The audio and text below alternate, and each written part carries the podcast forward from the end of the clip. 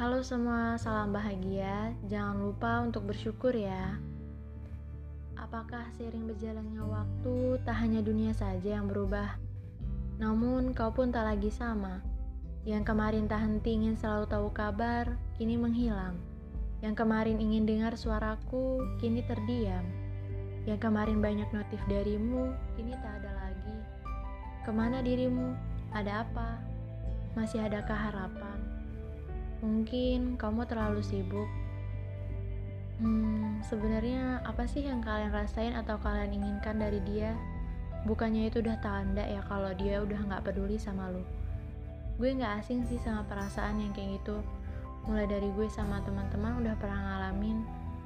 Tapi setiap dari kita tuh punya alasan tersendiri kenapa masih berharap dan kenapa bisa ngelepas ya udahlah gitu.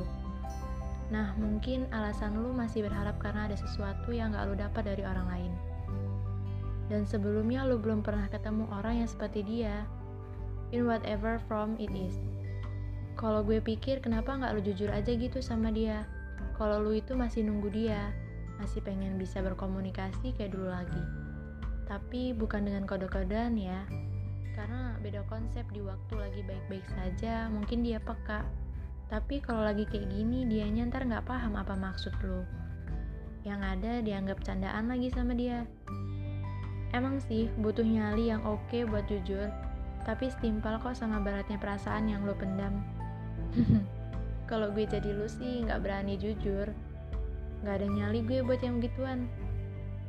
Gue lebih baik tegar dan sabar, karena gue yakin waktu nggak akan kasih gue kesedihan aja akan ada kebahagiaan yang pasti, gue jauh lebih bahagia.